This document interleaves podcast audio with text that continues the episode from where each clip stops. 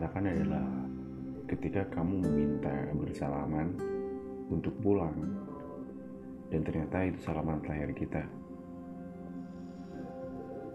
Dan kamu tuh gak pernah ngasih kode-kode alam gitu bahwa itu tuh salaman terakhir kita. Dan bodohnya aku percaya dan aku mau salaman sama kamu. Tapi sekarang kamu udah gak ada tapi aku udah nemu kok penggantinya dia lebih asik dari dirimu. Lebih lucu dari dirimu. Dan pastinya lebih ngerti aku dibanding kamu. Yang suka marah. Intinya aku udah nemu kok.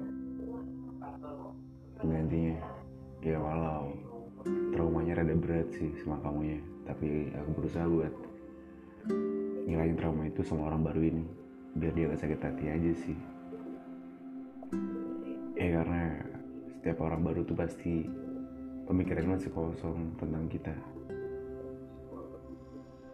Ya udah itu aja sih. Makasih. Bye bye